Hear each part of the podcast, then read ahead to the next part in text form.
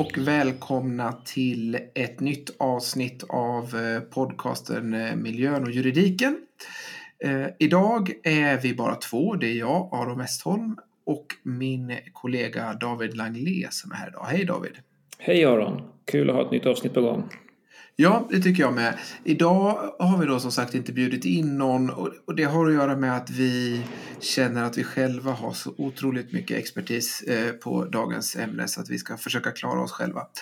Eh, det vi, ska, det vi har tänkt att vi ska prata om är Mark och miljööverdomstolens avgörande i ett mål som brukar kallas för Ragn-Sells-målet. Jag eh, alltså säger brukar för det här målet har varit lite på tapeten redan innan det kom upp i MÖD. Redan Mark och miljödomstolens eh, eh, avgörande var liksom av principiellt intresse. Så att det här är ett mål som jag tror att vi båda har följt lite grann eh, utvecklingen av. Eh, och det som är, det framförallt handlar om är miljökvalitetsnormer för vatten och hur man ska beräkna påverkan och vad som är en tillåten påverkan på en vattenförekomst och en miljökvalitetsnorm och sådär. Eller David, skulle du säga att det är någonstans i Ja, ehm, alltså först hoppas jag att lyssnarna uppmärksammade din lätta ironin i vår enorma expertis. För det här är ju ett väldigt komplext område där förstås många kan mycket mer än vi i, enskildheter säkert. Ehm, ja, det är ett principiellt mål. Men jag tänker det är en annan dimension också. Det handlar ju om, alltså det har ju länge funnits en diskussion om, är det så att ramdirektivet för vatten, framförallt som det har tolkats då i ljuset av Weserdomen och så vidare, Eh, att det liksom lägger en, en våt filt eller en död hand över en massa verksamheter som i och för sig vore bra och rent av nödvändiga från ett hållbarhetsperspektiv? Är det så att liksom, direktivet står i vägen för eh, viktiga samhälls, eh, samhällsnyttiga aktiviteter och saker som också styr mot hållbarhet? Eh, så det diskuteras ganska mycket i den kontexten. Ja, precis. Ehm, och, ja, och det här är ju ett, eh, liksom, hamnar ju verkligen i den, i den skärningspunkten någonstans, eh, det här målet. Vill du, vill du redogöra kort för vad det handlar om? Ja, men det kan jag väl göra. Ehm, det är ju då ett företag inom Ragn-Sells-koncernen som heter Ragn-Sells Treatment och Detox aktiebolag som har ansökt om att starta en ny stor anläggning där man ska återvinna fosfor framför allt ur olika typer av askor. Det är framförallt då askor från eh, avfallsförbränning. Och det här är ju en väldigt angelägen hållbarhetsåtgärd, alltså försöka sluta kretsloppet och jag tror jag såg siffror på att man skulle kunna minska behovet av att eh, importera fosfor med om det var en tredjedel eller något sånt där. Så det är en väldigt, väldigt påtaglig liksom, hållbarhetssatsning det här och eh, det som också lyfts fram, framförallt i första instans här, är ju också att eh, liksom man har anslagit ganska mycket skattemedel genom det här klimatklivet som Naturvårdsverket givit pengar till eh, att ta fram och göra den här tekniken användbar eller tillämplig. Så att liksom, själva tekniken har samhällets stöd på ett väldigt tydligt sätt. Sen är då frågan om, om det kan ha någon rättslig betydelse, om det ska ha någon rättslig betydelse. Och det har ju varit kanske en av de intressanta frågorna också då. Mm. Ja, ehm, men i Mark och miljödomstolen så fick då Ragn-Sells avslag på sin ansökan och då handlade det framför allt om att domstolen menade att man eh, skulle äventyra uppnåendet av god status i enlighet med eh, ramvattendirektivet för den här ytvattenförekomsten där man skulle släppa ut väldigt stora volymer processvatten. Och vattnet hade för sig låga halter av förorenade ämnen. Men eftersom det var så en stor volym totalt sett så skulle man ändå, ansåg man, eh, få ett utsläpp som inte var försumbart. Och eftersom Ehm, man redan då befann sig i den lägsta klassen ehm, för det så kallade, det som heter särskilt förorenade ämnen, SFÄ-ämnen. Och vi behöver inte gå in i detalj på det, men det, det finns så att säga en, en kemisk dimension av bedömningen av ekologisk status. Ehm, och här har Sverige då genomfört det på ett sådant sätt att det egentligen bara finns två eh, eller möjligen tre klasssteg istället för fem som man normalt laborerar med när man talar om ekologisk status. Så istället för hög, god, måttlig, otillfredsställande eller dålig så eh, låg de här SFÄ-klassificeringen eh, då i måttlig. Och det var den lägsta, för det fanns inte några lägre. Och då har ju EU-domstolen sagt att om man ligger i den lägsta klassen så ska i princip varje ytterligare försämring, eller man har sagt varje ytterligare förutsägbar försämring ska eh, betraktas som otillåten. Så därför blev det viktigt hur den här hade genomförts i svensk rätt. Och det var båda domstolsinstanserna eniga om att eh, det här är den lägsta klassen, alltså gäller förbudet mot varje förutsägbar ytterligare försämring i princip. Just det. det är ju lite, det är lite rörigt det här med de här statusklasserna kan jag tycka. Just att det finns fem då för ekologisk status men för kemisk status och i det här fallet då eh, särskilt för ämnen så finns det två. Om jag vill minnas rätt så pratar de också i direktivet egentligen om två för, för den här typen av ämnen. Att då pratar man god och otillfredsställande va? Eller jag, ja, men det är, väl, det är väl för kemisk status. Men de här SFR-ämnena de är ju lustigt nog en underavdelning för, av ekologisk status. Eh, fastän de kan tyckas vara kemiska. Men det finns ju eh, fysikalisk-kemiska parametrar som en del av ekologisk status. Ja, det är det som gör det här direktivet så otroligt svårgenomträngligt. Ja, men det är ju det och det jag brukar säga till mina studenter också att man kan läsa direktivet hur många gånger som helst.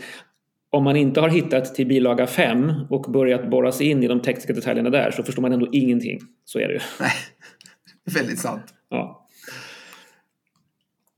Ja, eh, men sen kom ju då eh, den här diskussionen när, när eh, Ragn-Sells får, får eh, avslag på sin ansökan från Mark och miljödomstolen med hänvisning då till att man inte kan liksom utesluta en försämring så triggar det en stor debatt om kan man då inte på något sätt ta hänsyn till de här starka motstående samhällsintressena om att det här är en väldigt önskvärd hållbarhetsåtgärd.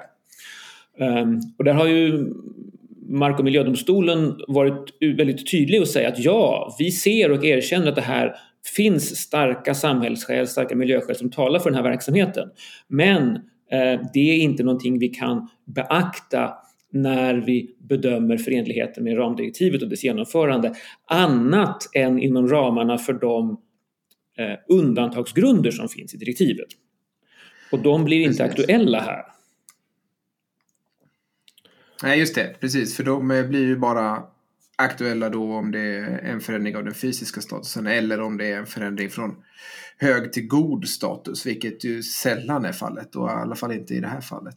Ja, ehm, det finns ju två formella undantagsgrunder i direktivet och de kan ju vid första anblicken tyckas vara ganska liksom generösa eller väsentliga.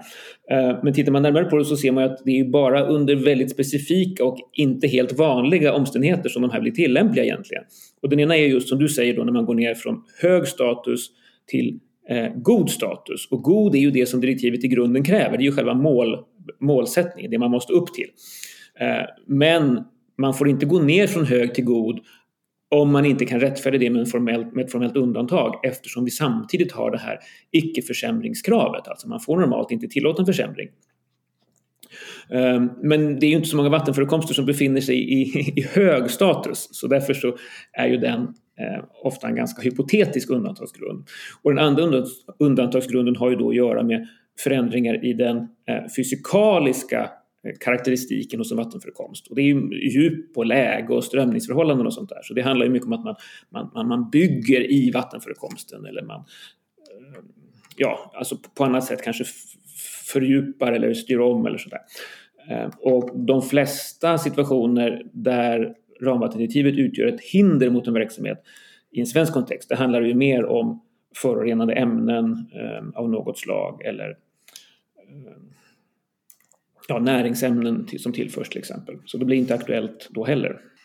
Nej, precis. Så det är ju väldigt högt ställda krav och det, kan man ju, det blir ju tydligt i det här ärendet då att det, det finns liksom ingen möjlighet till undantags eller det finns inga undantagsgrunder som blir tillämpliga helt enkelt för att det rör sig om då de här förorenade, särskilt förorenade ämnena i en vattenförekomst som där det inte är hög status. Så det spelar egentligen ingen roll hur eh, miljönyttig vi tänker att den här verksamheten är. Undantaget blir inte tillämpligt ändå. Liksom. Nej, nej, det är ju så. Det, det, finns ju möjlighet till undantag vid force majeure och sånt där, men, men det är ju en annan typ av undantag. Liksom. Eh, det är ju mer att det ligger utom mänsklig kontroll mer eller mindre.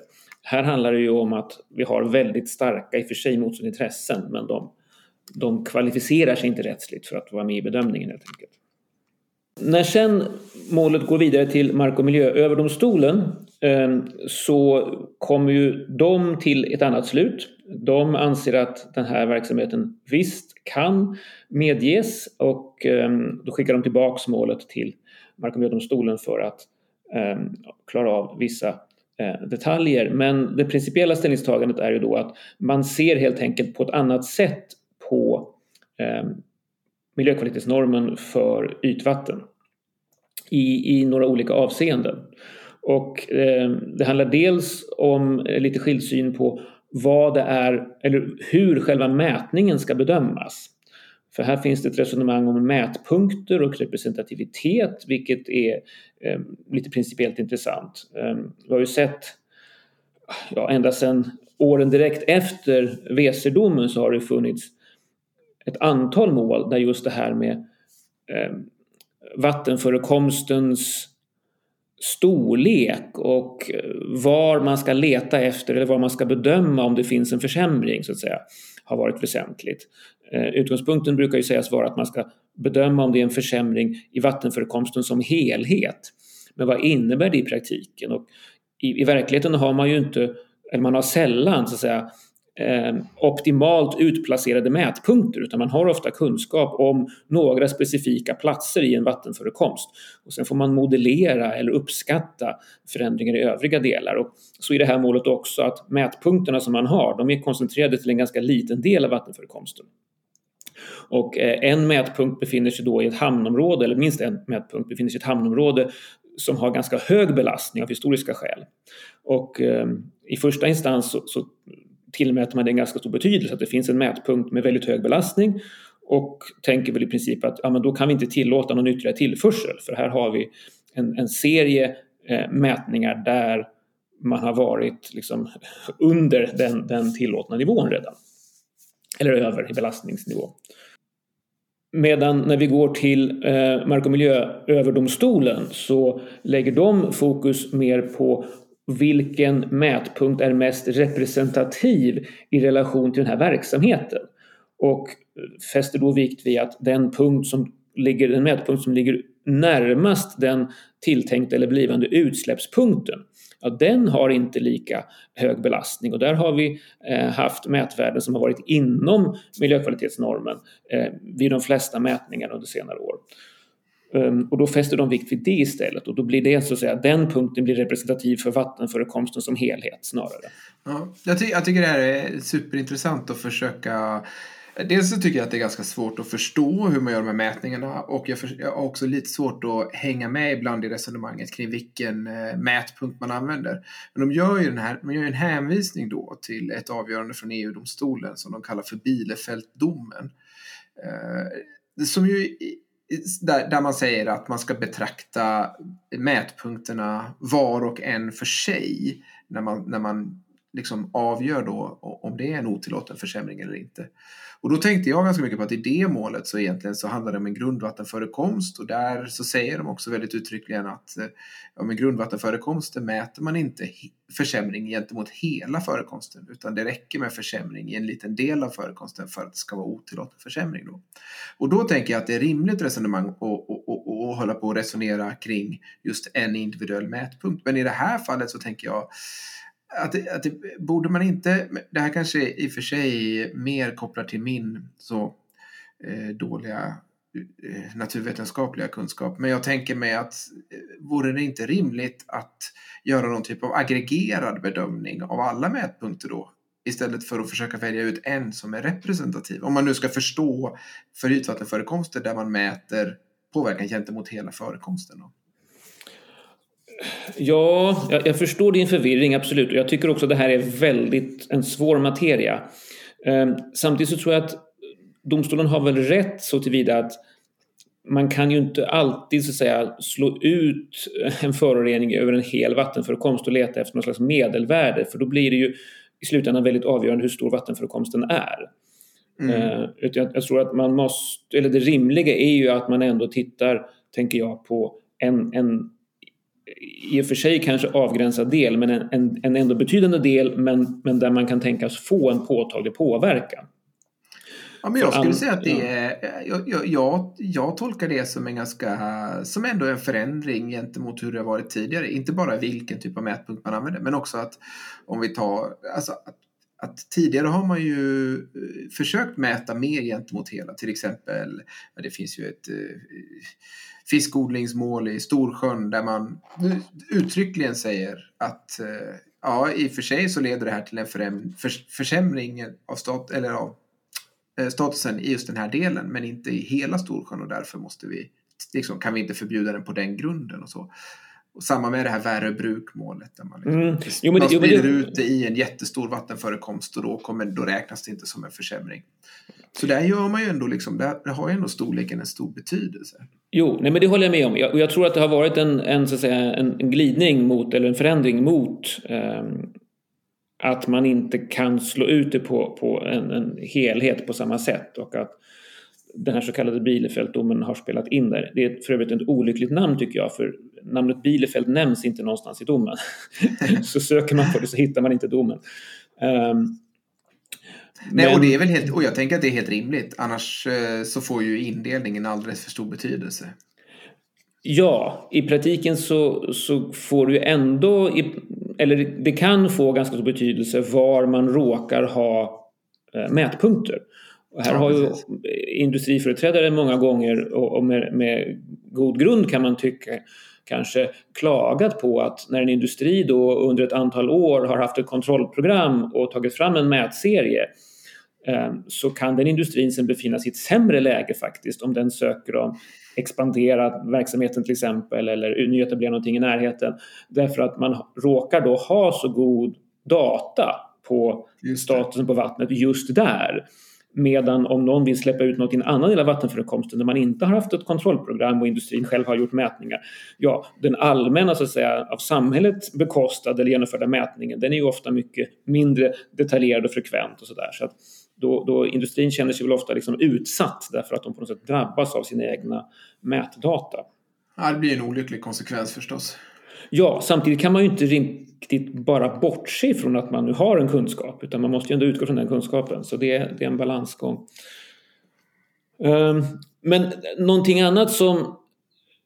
Ja, jag, jag, kollade förresten, jag tror, att det, jag tror att det är första gången som den här då eh, olyckligt benämnda Bielefelddomen som då egentligen heter Land Nordrhein-Westfalen och kom i maj 2020. Jag tror att det är första gången som den behandlas eller hänvisas till i MÖD på ett sånt här tydligt sätt. Ehm, så där tror jag också att det kanske är helt enkelt ehm, principiellt eh, viktigt att MÖD tar in det. Och det man, det man betonar utifrån den eh, domen är kanske inte så mycket det här med egentligen skalan utan eh, det är också det här när man talar om en, en förutsägbar höjning. Att det är det man ska ta eh, fasta på. Alltså, kan man se att ett nytt utsläpp, en ny belastning skulle resultera i en förutsägbar höjning av koncentrationen vid en övervakningspunkt. Då ska det anses vara en försämring och därmed otillåtet om man befinner sig i den lägsta statusklassen. Ehm, och sen till det kommer då resonemanget om, ja men är det vilken övervakningspunkt som helst eller en representativ punkt och vilken är det då? Då kan vi också nämna att ehm, i en svensk kontext så har ju Havs och vattenmyndigheten då föreskrifter för klassificering ehm, från 2019 eh, föreskrifter om klassificering och miljöpolitiska normer avseende ytvatten heter den. Och där talar man just när det gäller sådana här särskilt förorenade ämnen, SFR, om att man ska utgå från en representativ eh, mätpunkt som det heter. Så det blir ju fokus på en punkt men den ska vara representativ. Och då är frågan vad, vad det innebär. Ja, det blir viktigt vilken man väljer då och vilken ja, man anser vara representativ helt enkelt. Det blir viktigt som man väljer. Eh, men en annan dimension som också är skulle jag säga, minst lika principiellt eh, viktig i den här domen och i, i Möds resonemang det är ju att man, man går tillbaka och man citerar förarbetena. Alltså när man ändrade i eh, 5.4 i miljöbalken, alltså eh, paragrafen som handlar om Eh, miljökvalitetsnormen för vatten. Man ändrade i den.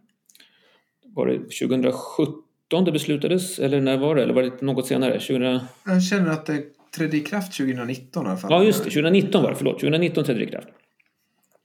när man ändrade i den så förde ju lagstiftaren ett ganska långt resonemang eh, kring hur... Ja, först och främst så sa man att den här skärpningen som det åtminstone framstod som i lagtexten och det, bakgrunden var ju också att EU-domstolen menade att Sverige inte hade genomfört ramdirektivet eh, på ett korrekt sätt. Framförallt inte ramdirektivet i ljuset av WC-domen. Eh, men i förarbetena är man väldigt tydlig med att det här ska inte eller avsikten är inte att det ska resultera i en striktare bedömning, att, att färre verksamheter får bedrivas. Nej, de, förarbetena genomsyras ju väldigt mycket av liksom det känns som att det upprepas väldigt många gånger i proppen att undantagen ska tillämpas till sitt fulla maximum så att säga. Liksom. Ja. Fullt ut ska alla undantag som är möjliga tillämpas i svensk lagstiftning. Ja, precis. Och inte bara undantagen kanske, utan själva begreppen här. När EU-domstolen talar om att man får inte äventyra uppnåendet så får lagstiftaren ett långt resonemang med massa synonymer till äventyra som handlar om hasardspel och våghalsighet och så vidare. Så det är mycket fokus på att liksom, eh, det, det, är på något sätt moraliskt antastliga eh, ageranden här som inte, som inte ska vara acceptabla. Och i det här avseendet så går ju Möd i den här domen längre och djupare in i det här resonemanget än vad jag har sett tidigare någon gång. Och säger väl också, eller säger sådana saker som att eh, man kan acceptera verksamheter även om de i praktiken försvårar uppnåendet av miljökvalitetsnormerna. Så att ett försvårande i sig är inte grund för att man inte ska ge tillstånd. Utan man säger det, det, ja. Ja, förlåt. Det blir en sorts eh, liksom, inverterad försiktighetsprincip på något vis. Ja, ja det, fanns ju, det fanns ju länge ett, en diskussion, framförallt i, i liksom akademiska sammanhang, om vad det var för typ av krav som ramdirektivet uppställer. Om det är ett sånt här resultatkrav, att man faktiskt måste uppnå eh, god status. Eller om det är sånt här strävanskrav, att man måste liksom visa att man har gjort allt man rimligen kan förväntas göra, även om man inte uppnår det. Och sen kan man fråga sig om det alltid är så stor skillnad i praktiken. Men eh, med, med de här skrivningarna nu att man faktiskt får göra saker så att säga, som man vet motverkar och försvårar uppnåendet. Då, då är det inte frågan om, om man, hur man förhåller sig till, till de här kraven. Liksom. Det verkar som att man varken måste sträva eller uppnå. Nej, eh. precis. Eller nej, nej det är så, man, man, skulle kunna tänka sig att, eh, det, att, att man tänker sig att det kommer gå att uppnå då, men att strävan inte är så viktig på vägen. Ja, det ska vara möjligt, precis. Det ska vara möjligt att uppnå i alla fall. Ja. Ehm, med att säga att det avgörande måste vara att det även om verksamheten eller åtgärden tillåts med de villkor om försiktighetsmått som kan behövas och så vidare fortfarande bedöms vara möjligt att uppnå rätt kvalitet på vattenmiljön. Och jo, det är ju ganska är... långtgående att det fortfarande kan vara möjligt. Eh. Det är ganska långtgående och jag tänker att det blir ju extra men liksom, det blir extra långtgående i och med att vi är i den sista cykeln av eh, vattendirektivet. Så att det, liksom, det finns ju inga möjligheter att sen besluta om en förlängning. Utan nu är vi, vi, vi närmar oss eh, stupet god ja. ekologisk status-stupet eh, 2027. Och, och, och, och då blir det ju extra på något vis problematiskt att säga att ja, men det finns en möjlighet att uppnå. För nu, nu går det inte längre att förlänga med sju år utan nu ska det ju, ja, vad, det, vad nu det kommer innebära då. Ja, nej, det är ju en väldigt spännande dimension. Då är frågan när det här uppnåendet ska ske i sådana fall. Eh, om det inte är nu eller inom de närmaste eh, fyra åren så kan man fråga sig när, när det ska vara. Eh, sen kan man ju, och, och, det är ju en öppen fråga, men man kan ju på något sätt tolka det som att frånvaron av lite bredare, mer tillåtande formella undantagsregler i själva direktivet på något sätt triggar eller, eller kanske rent av nödvändiggör de här resonemangen därför att varken lagstiftaren eller kanske då rättstillämparen på något sätt tycker att det är rimligt att säga nej till en sån här åtgärd som har sådana starka eh, samhällsvärden så att säga. Eh, man, man, man, kan ju ana att man tycker att liksom proportionaliteten skulle brista här om man skulle säga nej till den här verksamheten som har ett väldigt stöd och som är väldigt bra, rimligen ur, ur ett bredare miljöperspektiv därför att man inte kan utesluta eh, en viss ytterligare belastning i den lokala vattenförekomsten. Så att, eh, liksom, vatten, skyddet av ytvattenkvaliteten har ju fått ett väldigt starkt eh, har väl fått väldigt stor tyngd jämfört med andra miljönyttor eller miljöändamål genom utformningen och framförallt EU-domstolens tolkning av ramvattendirektivet. Så tar man det på allvar och genomför det fullt ut så, så blir det ju lätt i praktiken då faktiskt ett hinder mot annan typ av Eh, miljönytta som man vill alstra med verksamheter. Så är det ju verkligen. Det är det, det är det som gör vattendirektivet så intressant. Att vi helt plötsligt har fått en miljölagstiftning som faktiskt är liksom effektiv i förhållande till sitt syfte. Eller som är på något vis får en tvingande verkan på ett sätt som mycket annan miljölagstiftning kanske inte får för att man gör olika typer av avvägningar och man har byggt in undantagsmekanismer där man väger intressen mot varandra. Här finns det ju ingen intresseavvägning utan man har ett väldigt hårt direktiv och det, det gör det ju så intressant. Jag håller med dig om att det finns ju i, i massa fall E-, e-, exempel på när det blir problematiskt. Ja, vi, hade det, vi diskuterade det mycket när jag arbetade med utredningen om gruvor, liksom, med innovationskritiska metaller och mineraler som är väldigt viktiga för klimatomställningen, men mm. där de, en gruva i princip alltid innebär en försämring av statusen för att det släpps ut massa ämnen och sådär. Så det, det är liksom men det finns ju ingen möjlighet då om man inte råkar ha en gruva som råkar ligga i, i, vid en vattenförekomst med hög status så finns det liksom inga möjligheter för undantag då. Och det gör det ju väldigt intressant.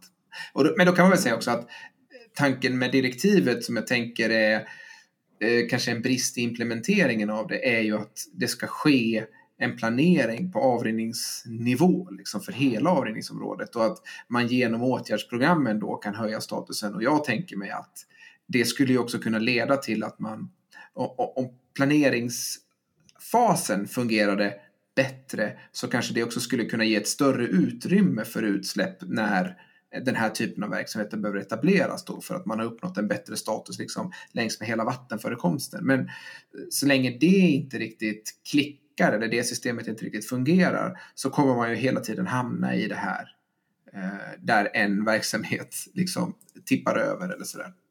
Och det, och det, blir problematiskt. Ja, och det där som du säger, det är ju jättespännande för att det sätter ju liksom spotlighten verkligen på betydelsen av den här WC-domen. Alltså, för ramvattendirektivet är ju i grunden designat, skulle jag säga, utifrån det här perspektivet med eh, åtgärdsprogram och eh, pla sexåriga planer där det finns väldigt stort utrymme för att göra avvägningar.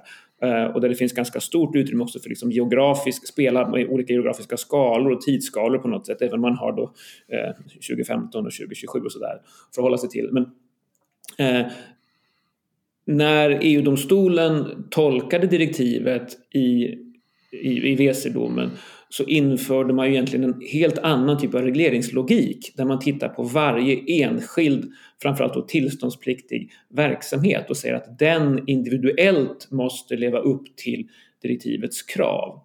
Eh, och då i någon mening så förlorar man ju mycket av den här flexibiliteten att kunna liksom göra avvägningar mellan olika samhällsnyttor och kanske också olika eh, miljönyttor som åtgärdsprogrammen och um, ja, de här större förvaltningsplanerna och processerna eh, möjliggör. Samtidigt så är ju de som du säger ofta förenade med eh, ganska stora eh, liksom brister i genomförandet. Ja. Det är ofta brist på resurser, framför allt det är brist på kraftfulla instrument och redskap. Liksom det kan bli ganska tandlöst det hela. Så man, får, eh, man får möjlighet att avväga olika saker men man får kanske i slutändan inte så mycket resultat egentligen. Nej, precis. WC-domen eh, tog ju det, här direktivet som tidigare hade kunnat vara lite tandlöst och, och, och gav det väldigt skarpa tänder. Men, men som du säger, det blir ju liksom så, det blir ett så specifikt geografiskt fokus då och där också eh, då som vi har sett eh, vattenförekomstens storlek också får en jätteviktig roll att spela. Att vart man råkar ha sin verksamhet och vart man, om man kan släppa ut i en stor eller liten förekomst får en jättestor vikt då, och då blir ju hela den liksom, avgränsningsproblematiken också viktig. Hur man bedömer vad som är faktiskt en förekomst och vad som skulle kunna vara en större förekomst eller mindre förekomst. Ja, ja precis. Och direktivet fick ju på något sätt kanske oproportionerligt stora och vassa tänder jämfört med annan miljölagstiftning som gäller ja, för andra miljönötter så att säga. Eh, så det, det skapar ju någon form av obalans eh, i det hela. Sen är det väl inte orimligt heller att tänka att det svenska systemet med miljödomstolar som prövar de här målen innebär att vi kanske fäster lite större vikt vid de här strikt rättsliga resonemangen och EU-domstolens formuleringar och så än vad man gör i en del andra medlemsstater där prövningen sker framförallt i förvaltningsmyndigheter där, det har, där man har ett större inslag kanske av, av tekniskt och naturvetenskapligt tänkande snarare än, än strikt juridiskt. Ja, precis eh, så kan du. Jag, jag, har liksom, jag har lite dålig koll på hur det har implementerats i andra länder. Men samtidigt så fick vi ju kritik innan vi ändrade på lagstiftningen. Ja, ja, jo visst. Nej, nej, men alltså, i så ställs det ju hårda krav. Ja, nej, men i stort sett alla medlemsstater får ju kritik och det är ju ingen som så vitt jag vet som är ens i närheten av att uppnå god status i, i liksom merparten av sina vattenförekomster.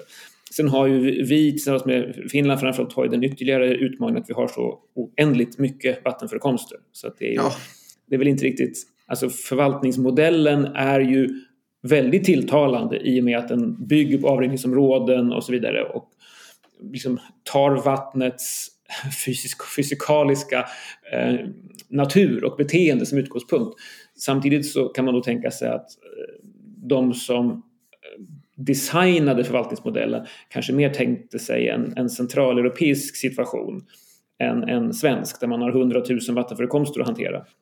Ja, eh, precis, det har ju sina utmaningar och eh, som du säger är det väldigt få medlemsstater som, börjar, som närmar sig en god ekologisk status eller god eh, kemisk status i liksom sina vattenförekomster. Det blir också väldigt intressant då vad som ska hända om fyra år, när vi når 2027, när den sista förvaltningscykeln är klar.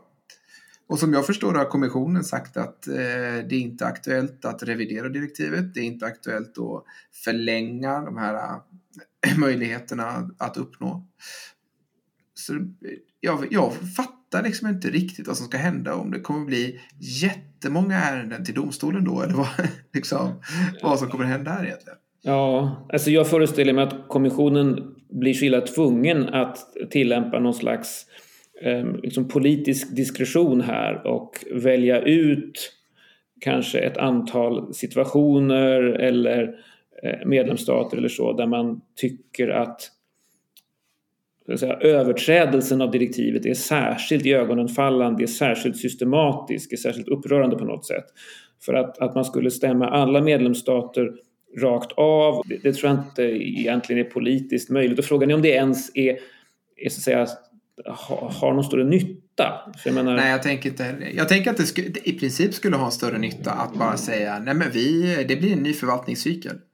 Alltså, ja. Att, att man, ja, det är klart att om man hela tiden skapar nya förvaltningscykler så är det ju väldigt lätt att skjuta på uppnåendet och kanske göra att det blir möjligt och, och, och sådär. Men samtidigt så tänker jag att den effekten som direktivet har fått nu då, den här ganska strikta tolkningen som vi har, ja, då kanske det är lika bra att också fortsätta med förvaltningscykler, försöka göra bättre planer så att vi kan uppnå den här, liksom, för tanken är ju någon typ av adaptiv förvaltning då. Eh, så att det, det kanske bara vore bättre att släppa på, eh, säga, ja men vi kör två cykler till eh, och så ser vi vad som händer ungefär.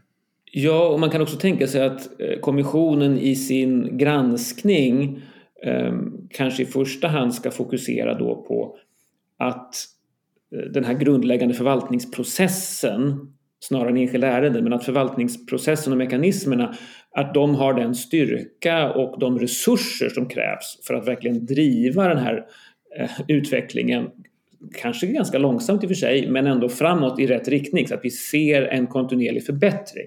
Jag kan tänka mig att, att det vore kanske det viktigaste att kommissionen skulle eh, liksom kräva av medlemsstaterna att man ser en positiv utveckling hela tiden över tid. Ja, det tror jag med snarare än att titta på, alltså det är just fokuset på enskilda ärenden och enskilda normer i enskilda vattenförekomster som gör, som blir lite olyckligt och som gör att det här direktivet eh, får ett dåligt rykte.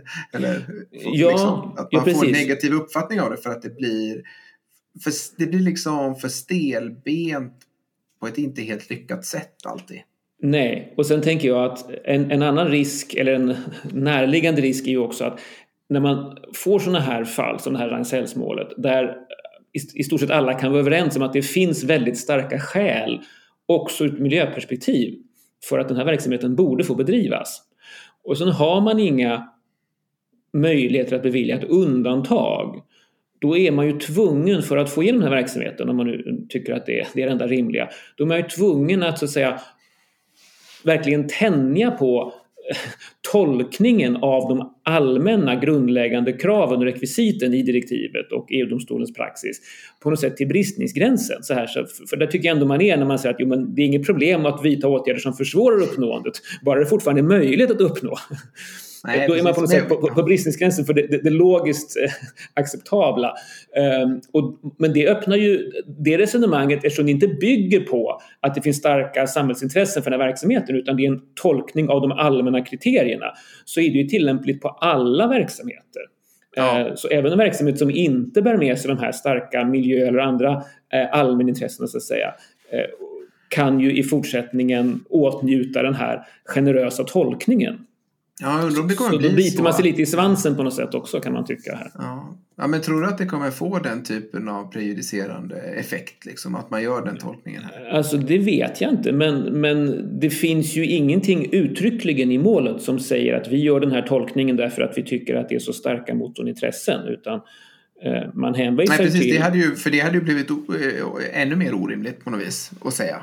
Ja, alltså, kanske inte i någon sån där allmän språklig mening så kanske inte varit orimligt men strikt rättsligt så är det ju inte så rimligt för det finns ju ingen sån grund. Liksom. Lagstiftaren har ju inte eh, lagt ner någon sån avvägningsmöjlighet egentligen. Tittar man på då eh, första instans, Mark och miljödomstolen, så de är ju tydliga. De säger det. Ja, titta, här har vi väldigt starka intressen så samhället har verkligen försökt främja och stödja den här tekniken. Det vet vi, det erkänner vi. Men nu lägger vi det resonemanget åt sidan och så tittar vi strikt på Eh, de rättsliga kraven på ytvattenförekomster och god status. Och då kommer vi till slutsatsen att nej, det här kan vi inte tillåta. Jag, jag slits väldigt mycket i, mellan, eller i förhållande till vad jag tycker är den bästa lösningen här. Eh, alltså, jag tycker inte att den här lösningen som nu uppstod i MÖD är alltså jättebra. Just också för att som du säger, den kan få andra effekter som kanske inte är så önskvärda. Um, Eh, men å andra sidan att börja införa fler undantag i det här direktivet, ja, då riskerar det att få samma effekter som annan miljölagstiftning lider av, där man börjar göra intresseavvägningar och där miljön kanske oftare då får stryka på foten. Det, jag är inte säker på att det alltid är heller är rätt väg att gå. Jag, Nej, jag, tänker, jag tänker att, man, som... jag tänker att man skulle kunna formulera ganska så att säga, rimliga och välavvägda undantag. Men, men mycket av oron handlar ju för att om man på EU-nivå öppnar upp direktivet för en omförhandling och liksom modifieringar så har man ingen aning var man hamnar i slutändan. Så att säga. Nej, precis. Men jag, jag tänker... Att det, är det säkraste att leva med det man har, även om det inte är optimalt. Precis. Jag kommer osökt att tänka på detta att eh, förnybar energi, eller framförallt vindkraft, ju nu ska anses utgöra ett sånt eh, allt överskuggande allmänintresse. I alla fall i förhållande till naturvårdsdirektiven framöver. Just det. Det där är ju ett utmärkt tema för en annan podd, eller hur? Det, det är det absolut. Ja. Men det, det, är, jag bara, det, det blir spännande att följa det för att man, då kan man se så här, vad händer när man vrider på det och släpper in nya undantagsmöjligheter i ett annars ganska strikt direktiv. Så. Verkligen, verkligen. Ja, men eh, vad tror du? Har vi sagt det mesta vi hade tänkt oss? Ja, men det tror jag väl att vi har. Jag tycker att vi har behandlat de frågorna som i alla fall vi upplever är intressanta i det här målet och kring ramvattendirektivet i allmänhet. Eh, och eftersom det bara är vi två så kanske man inte heller orkar lyssna på oss hur länge som helst. Nej, vi så måste tänka på våra lyssnare också. Precis. Ja, precis. Avsluta i tid. Ja. Eh, men vi kommer men... säkert ha anledning att återkomma till ramdirektivet. Det är ju en sån stor och viktig och komplex del av miljörätten. Precis. Och eh, återkomma kanske till allt överskuggande allmänintressen också framöver. Definitivt. Det kan vi nog tänka oss att komma till eh, ganska snart, tänker jag. Ja, det tänker jag också. Men eh, vi tackar väl för den här gången. Tack för att ni har lyssnat och tack David för ett intressant samtal. Tack Aron. Jättekul. Eh, ja, på återseende då någon gång i framtiden. Ja, eller i alla fall återhörande. Ja, okej. Okay. Hej då. Bra, bra. Tack. Hej.